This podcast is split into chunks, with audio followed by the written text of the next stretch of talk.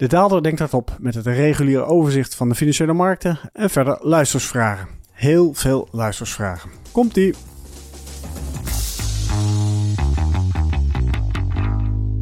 Nou, oktober ligt weer achter ons en het bracht weinig goeds voor de belegger. Overigens, als ik dit opneem, is het nog 31 oktober. Dus wie weet wat voor wonder er nog in die laatste paar uren van de maand oktober kunnen plaatsvinden. Maar ik denk dat ik vrij stellig kan zijn in de uitspraak dat dat waarschijnlijk geen redding zal gaan worden. Want ja, als je puur kijkt naar wat er tot nu toe op de borden staat voor oktober, dan is het allemaal niet heel erg positief. Verreweg de best presterende beleggingscategorie was natuurlijk goud, die een echte mooie plus liet zien. En daarna, verrassend genoeg, staat Italiaanse obligaties op de tweede plek. Dat toch wel een beetje vreemd is, want je leest de laatste tijd wat meer verhalen over het weer oplopen van de Italiaanse spread. De extra rentevergoeding die Italië moet betalen boven de Duitse kapitaalmarktrente. Maar laten we niet overdrijven, we hebben het over een plus van slechts 0,6%.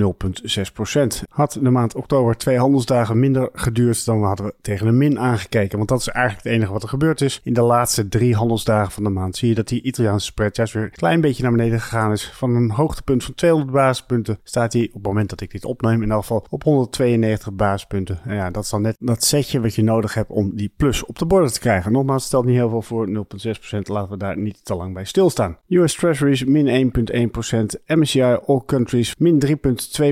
En de slechts presterende sector was de FTSE Naireit met min 5,8%. Terwijl olie de slechts presterende commodity was. Of ook de slechts presterende asset class overall min 7,5%. Nou, als ik dat allemaal zo oplees, valt het eigenlijk allemaal nog wel mee. Hè? Min 3,2% verlies in aandelen over een maand. Ja, waar hebben we het over? Maar ik vermoed eigenlijk dat de meeste luisteraars toch een beetje het gevoel hebben dat we midden in een soort correctie zitten. En dat heeft denk ik wel te maken met het feit dat we juist de laatste anderhalf, twee weken naar beneden zijn gegaan. Met name in de aandelenkant. Zonder dat je daarbij gecompenseerd wordt aan de obligatiekant. Ook daar zie je niet echt een bufferfunctie. De bufferfunctie die je normaal wel hoopt te zien. En dan krijg je natuurlijk automatisch de vraag waarom gaat die markt dan opeens naar beneden? Ja, goede vraag. In die zin, ik heb deze week mijn daalder op dinsdag. Waar je trouwens ook nog steeds op kunt abonneren. Dus doe dat vooral even bij de BlackRock site. De titel meegegeven: Positief beursverslag. Ja, niet omdat die beurs dus positief was, maar meer omdat ik dacht: van, ja, als je de nieuwsflow van de afgelopen week, anderhalf week erbij pakt, is er alle reden om een positief beursverslag te schrijven. Zo hadden we best wel positieve macrocijfers, met name uit Amerika. Alle inkoopmanager indices weer 50 of hoger. De BBP-groei die in het derde kwartaal uitkwam op 4,9%. Weliswaar gedeeltelijk ook door voorraadopbouw, maar goed, laten we dat eventjes terzijde schuiven. Orders van duurzame goederen ook sterker dan verwacht, 4,7% op maandbasis. Nou, dat zijn allemaal tot niet cijfers waarvan je zegt van god, die Amerikaanse economie stiefelt op een recessie af. Dan zou je kunnen zeggen, ja, dat is nou precies het pijnpunt. Hè? We willen misschien wel geen recessie, maar dit geeft aan dat die Amerikaanse economie nog aan het ronken is. Dus dat die Federal Reserve nog verder met de rente omhoog moet. En dat die kapitaalmarktrente nog steeds een piek niet heeft gehad. Maar ook daar had je eigenlijk alleen maar positief nieuws te melden. Ook hier de beweging is groot, maar de 10-jaarsrente in Amerika die daalde de afgelopen week. Weliswaar op maandag, dus vorige week maandag, ging je even door die 5% grens heen. Maar is uiteindelijk gedaald tot, nou laten we zeggen, 4,83%. Ook de angst voor de Federal Reserve leek niet echt te zijn toegenomen. Ook daar zag je, als je de tweejaarsrente bijvoorbeeld erbij pakt, die is met 7 basispunten gedaald. De verwachting is dat de Federal Reserve vandaag, of althans als u deze podcast op woensdag luistert, en dat hoop ik, want dat betekent dat u geabonneerd bent en een trouwe luisteraar bent. Nou, de verwachting is dat de Federal Reserve niet in actie zal komen. En dat is eigenlijk een herhaling van zetten, want ook de ECB en de Bank of Canada bleven vorige week on hold.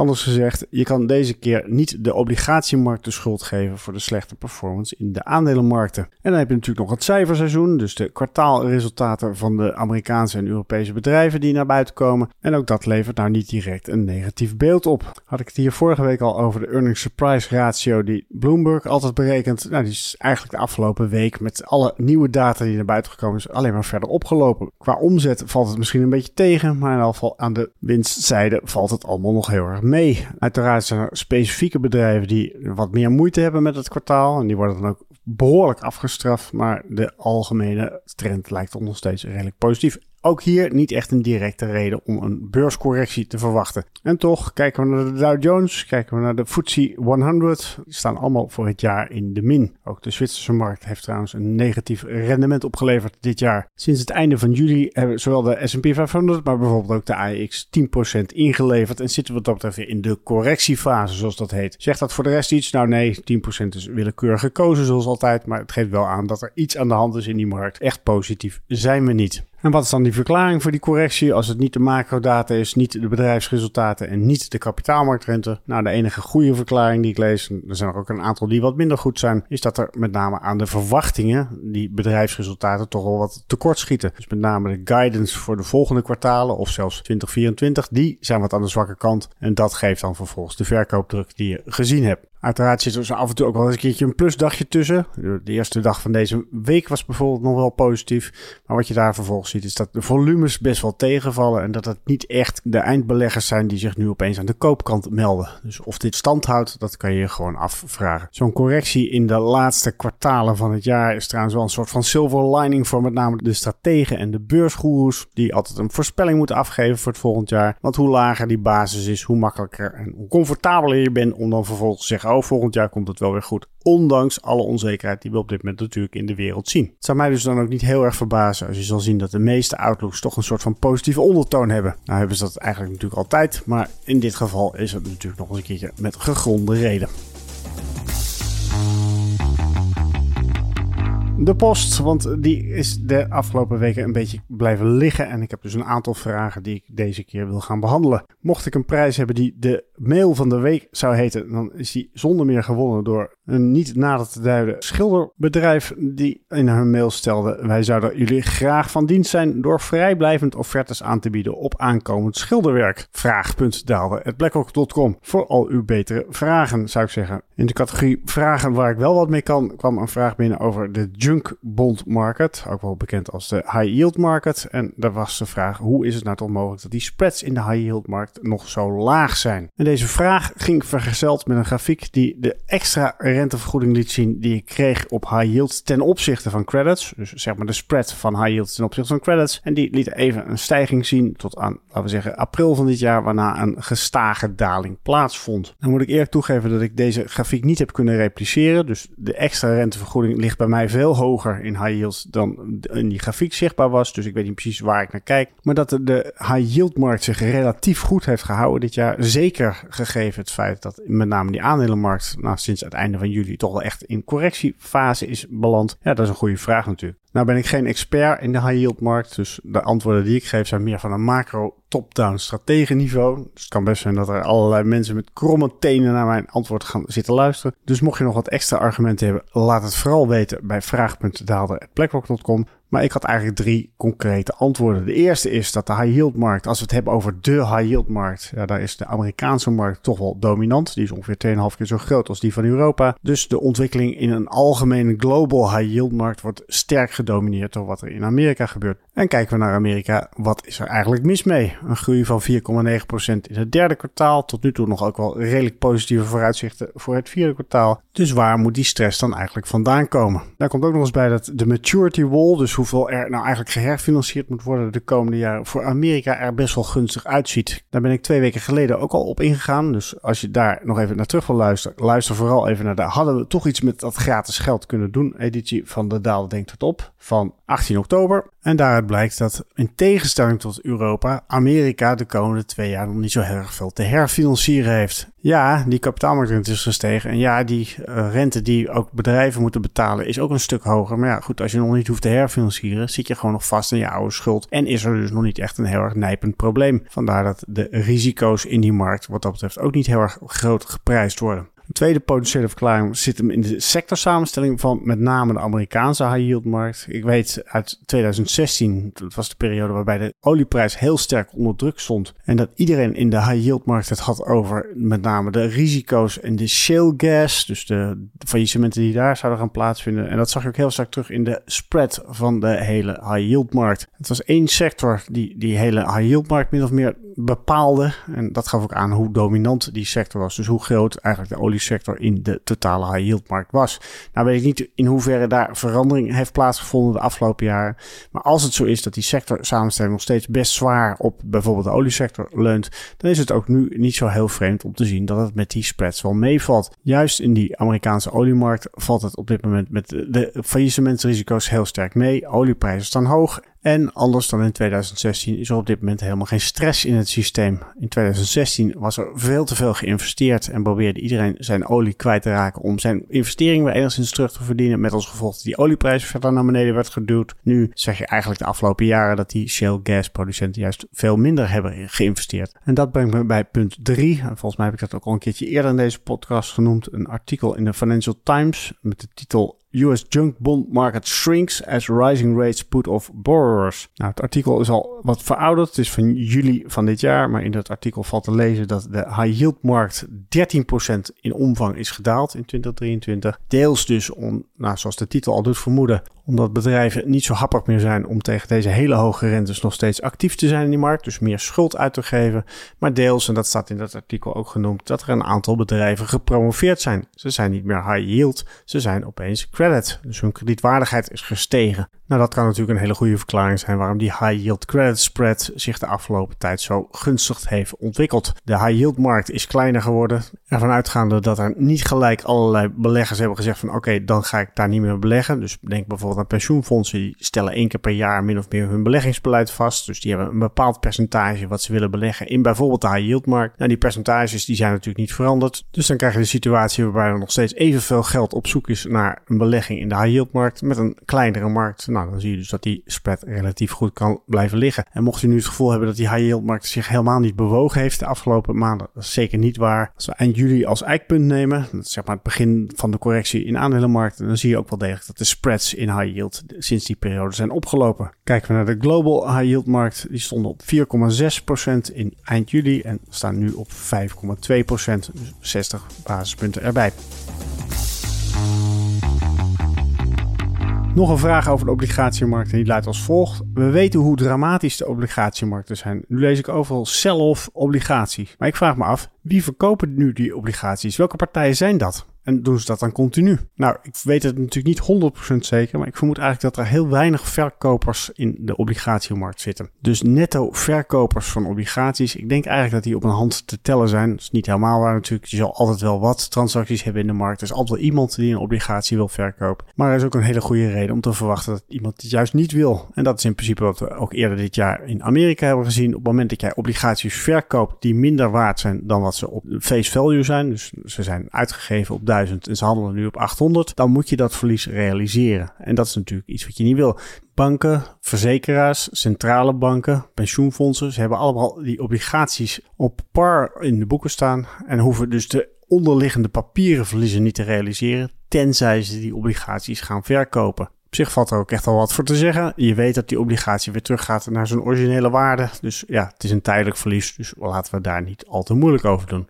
Dat gaat goed totdat het fout gaat, zoals bij Silicon Valley Bank. En er is een tweede reden waarom obligaties anders in elkaar zitten dan aandelen. Anders dan bij aandelen is een obligatie natuurlijk een vermogenstitel die op een gegeven moment vanzelf afloopt. Dus waar je bij een aandeel echt actief moet denken: oké, nu ga ik verkopen om die en die reden. En wat ga ik vervolgens met mijn geld doen? Word je hier als belegger eigenlijk geconfronteerd met het feit dat je je geld opeens vrij valt. Het is dus niet zozeer de vraag wie er verkoopt. Dat is eigenlijk veel meer de vraag wie er eigenlijk niet meer koopt. Mijn geld valt vrij, obligatie loopt af. Ja, en dan heb je op dat moment de keuze om te doen met je geld wat je wil. Ja, dan kan je alsnog gaan bedenken van, ja, ik vind die Amerikaanse staatsobligaties toch niet zo heel erg interessant. En dan kan je bijvoorbeeld denken aan China. Die hebben gezien wat er met de Russische tegoeden is gebeurd toen zij Oekraïne binnenvielen. Dan kan je bijvoorbeeld denken aan centrale banken die gestopt zijn met QE. Waarbij bijvoorbeeld de Federal Reserve gestopt is met het herinvesteren van het vrijvallende geld wat er plaatsvindt. Ja, het is geen verkoper, maar het is in elk geval wel een koper die wegvalt. Daarnaast is de vraag denk ik wel heel erg gecentreerd rond de koper. Waar is de koper? Welke koper stapt er uit de markt en dergelijke? Daarnaast heb je natuurlijk ook de aanbodzijde. Er komt steeds meer aanbod van schuld naar de markt. En hierbij kan je dan vervolgens verwijzen naar de slechte begrotingsdiscipline van de Amerikaanse overheid, die al jaren op rij tekort heeft van meer dan 6%. Ik vond wat dat betreft een artikel in de Wall Street Journal ook wel weer interessant. Dat komt weer terug op de vraag van wie is de verkoper. De titel van het artikel was Buy the Dip Investing Mantra Lives On in the Bond Market at Least. Waarbij de nodige getallen genoemd werden om aan te tonen hoeveel geld er dit jaar alweer richting de Amerikaanse obligatiemarkt gevloeid is. En dan kom ik weer terug op de opmerking die ik eerder maakte over Nederlandse en andere pensioenfondsen die inderdaad een vaste allocatie hebben. Op het moment dat er geld vrijkomt, omdat er een obligatie afloopt, of omdat er nieuw geld naar een pensioenfonds komt, omdat er gewoon nog inleg bij komt, dan zal dat geherinvesteerd worden volgens de vaste strategische norm. Kortom, elk jaar zie je dat er toch wel weer behoorlijk wat geld richting die obligatiemarkt zal vloeien. Zie je het als een soort van beleggingsdwang. Echte verkopers heb je niet, maar toch zie je dat die kapitaalmarktrente per saldo omhoog kan gaan. Nou, vooruit nog één vraag dan. En dat is de vraag of de ECB momenteel de geldkraan meer gebruikt dan 10, 20, 30 jaar geleden. Ik vermoed eigenlijk dat het antwoord sterk afhangt wat je precies onder die geldkraan verstaat. Dus het is natuurlijk een beetje een populaire term waarvan iedereen een eigen beeld heeft wat dat precies is. Maar als je teruggaat in de tijd, laten we zeggen de jaren 70, 80 en 90, lag eigenlijk heel erg sterk de nadruk op de geldgroei. Zie je tegenwoordig dat de markt volledig in de band kan zijn voor een Amerikaans inflatiecijfer of een payroll report. Je gelooft het niet maar ik heb nog meegemaakt dat je een periode had waarbij Duitse M3-cijfers de markten konden maken of breken. Dit is in de jaren 90, toen de ECB nog niet bestond. En eigenlijk de voorloper, het anker voor Europa, dat was in de tijd de Bundesbank. Nou, die Bundesbank die stelde heel veel belang aan dat M3-cijfer. Die wilde eigenlijk dat het M3-cijfer niet te veel steeg, want dat zou inflatie tot gevolg hebben. Dus op het moment dat de Bundesbank bezig was met een renteverkrappingscyclus, lag alle nadruk op dat M3 geld groeicijfer. Let wel, dit was niet een variabele die de Bundesbank zelf bepaalde. Dit was veel meer een samenspel van wat de economie deed, inflatie, maar met name ook wat commerciële banken nou precies aan activiteit aan het ontplooien waren. In die zin kon je ook moeilijk spreken van een geldkraan. Het was niet zo dat hierdoor de Bundesbank opeens veel rijker werd of iets van die geest. Wat je wel kon zien was dat die geldgroei eigenlijk stevast te hoog lag boven de nominale norm. Dus de norm die de Bundesbank zelf hanteerde, die werd over het algemeen aan de bovenkant doorbroken. Ja, behalve dan in de jaren dat het economisch slecht ging. Maar over het algemeen zag je dat die geldgroei hoger lag dan wat de Bundesbank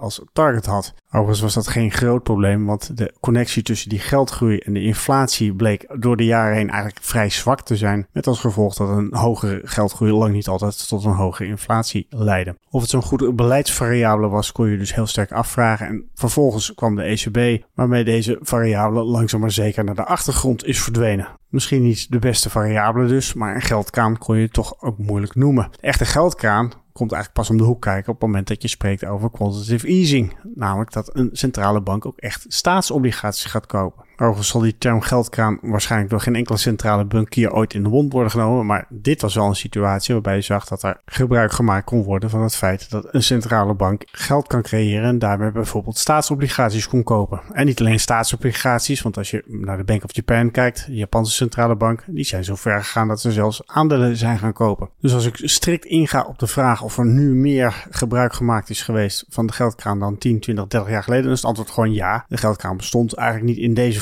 zoals we die nu kennen. Interessanter is eigenlijk de vraag in hoeverre dit middel in de toekomst ook nog gebruikt kan gaan worden. Ik ben ervan overtuigd dat in een toekomstige crisis de centrale bank weer een belangrijke rol zal moeten spelen om de economie nieuw leven in te blazen. Maar of ze dan weer zo happig zullen zijn om op deze schaal ook inderdaad obligaties te gaan kopen, vraag ik me sterk af. We hebben de afgelopen maanden en jaren al gezien hoeveel verliezen centrale banken hebben geleden dankzij de aankoop van die obligaties. En hoewel een deel daarvan echt gerealiseerd wordt, is een groot gedeelte papieren verlies. Wat ik al eerder aangaf, zolang je maar een obligatie op de boeken houdt en niet verkoopt, hoef je de onderliggende verliezen niet te realiseren. Zou je dat wel doen, dan zouden heel veel centrale banken echt tegen een gapend gat van hun eigen vermogen aankijken. Los daarvan, zelfs als dat niet gebeurt, dan zie je toch dat bijvoorbeeld de winstafdracht van de centrale banken naar overheden toe de komende jaren waarschijnlijk volledig zal ontbreken. Terwijl bijvoorbeeld in het VK zo sprake is van een overdracht van de overheid naar de centrale bank om de tekorten die ontstaan zijn aan te vullen. Het is uiteindelijk een spel wat niet helemaal zonder risico is. Het is niet gratis en om niet, om zo maar te zeggen. Resteert me nog maar één minuut om de podcast tips van deze week te geven. Het gaat helemaal mis met die podcast tips de laatste tijd. De eerste is er eentje uit de serie In Our Times History, The Economic Consequences of the Peace, waarbij Melvin Bragg met zijn gasten ingaat op de rol die John Maynard Keynes heeft gespeeld tijdens de vrede van Versailles en de gevolgen die dat dan vervolgens heeft voor het ontstaan van de Tweede Wereldoorlog. En de tweede tip heet The Future of AI in Healthcare. En dat is eentje uit de reeks The Next Five. En de titel doet het al vermoeden. Het gaat specifiek in wat voor een rol AI kan doen om de gezondheidszorg te verbeteren. Hierbij gaat het niet om het maken van nieuwe medicijnen, met name om screening van wat voor ziektes heeft men en kunnen we die in een vroeger stadium herkennen. Volgens mij heb ik het wel vaker gezegd, tot nu toe ligt de nadruk heel erg sterk op ja, AI en dan welke producenten zijn daarmee bezig of welke partijen bieden dat nou eigenlijk aan. De echte grote gevolgen van AI zitten veel breder dan dat. En dit is een goed voorbeeld. Dus ik zou zeggen, luister daarnaar. En daarmee ben ik weer aan het einde gekomen van de podcast. Ik hoop jullie volgende week hier weer op dezelfde plek te treffen. En wil je nou dat het volgende week niet de hele tijd over obligaties gaat, stel dan een vraag. Dan zal ik daar mijn licht over kunnen laten schijnen. Alvast bedankt en tot ziens. Risicowaarschuwingen. Beleggingsrisico. De waarde van beleggingen en de opgebrachte inkomsten kunnen variëren. Het is niet zeker dat u uw oorspronkelijke inleg terug ontvangt. Dit is een marketinguiting. In het verleden behaalde resultaten geven geen betrouwbare indicatie van het huidige of toekomstige rendement en dienen niet als enige criterium te worden genomen bij de selectie van een product of strategie. Veranderingen in de wisselkoersen van valuta's kunnen ertoe leiden dat de waarde van beleggingen stijgt of daalt. Deze schommelingen kunnen bijzonder sterk zijn bij een fonds dat blootstaat aan een hogere volatiliteit en de waarde van een belegging kan plotseling en zeer sterk dalen. De fiscale regelgeving waaraan beleggingen onderworpen zijn en de hoogte van de belasting kunnen in de loop der tijd wijzigen. BlackRock kan op elk moment besluiten een fonds niet langer aan te bieden. Belangrijke informatie. Deze podcast is alleen bestemd voor professionele beleggers volgens de MIFID-richtlijn. Andere personen dienen niet op de hier geboden informatie te vertrouwen. Deze podcast is uitgegeven door BlackRock Netherlands BV, dat een vergunning heeft verkregen en onder toezicht staat van de Nederlandse Autoriteit Financiële Markten. Officiële zetel Amstelplein 1 1096 HA Amsterdam. Telefoonnummer 020 549 5200. Ingeschreven in het handelsregister onder nummer 170 Om u te beschermen worden telefoongesprekken doorgaans opgenomen. Alle in deze podcast vermelde researchgegevens zijn verstrekt door BlackRock en kunnen door BlackRock inmiddels voor eigen doeleinden gebruikt zijn. De resultaten van dergelijke research worden slechts incidenteel verstrekt. De hier geuite visies vormen geen beleggingsadvies en kunnen aan verandering onderhevig zijn. Ze weerspiegelen niet altijd de gezichtspunten van een bepaalde onderneming binnen de BlackRock-groep of van een afdeling daarvan en de juistheid ervan kan niet worden verzekerd. Deze podcast is uitsluitend bestemd ter informatie. Het vormt geen aanbod of uitnodiging om te beleggen in een van de fondsen van BlackRock en is niet opgesteld in verband met een dergelijk aanbod. Copyright 2023 BlackRock Incorporated. Alle rechten voorbehouden. BlackRock is een geregistreerde handelsnaam van BlackRock Incorporated en haar dochterondernemingen in de Verenigde Staten en daarbuiten. Alle andere handelsnamen zijn van de respectievelijke eigenaren. Deze podcast mag niet worden verspreid zonder toestemming van BlackRock.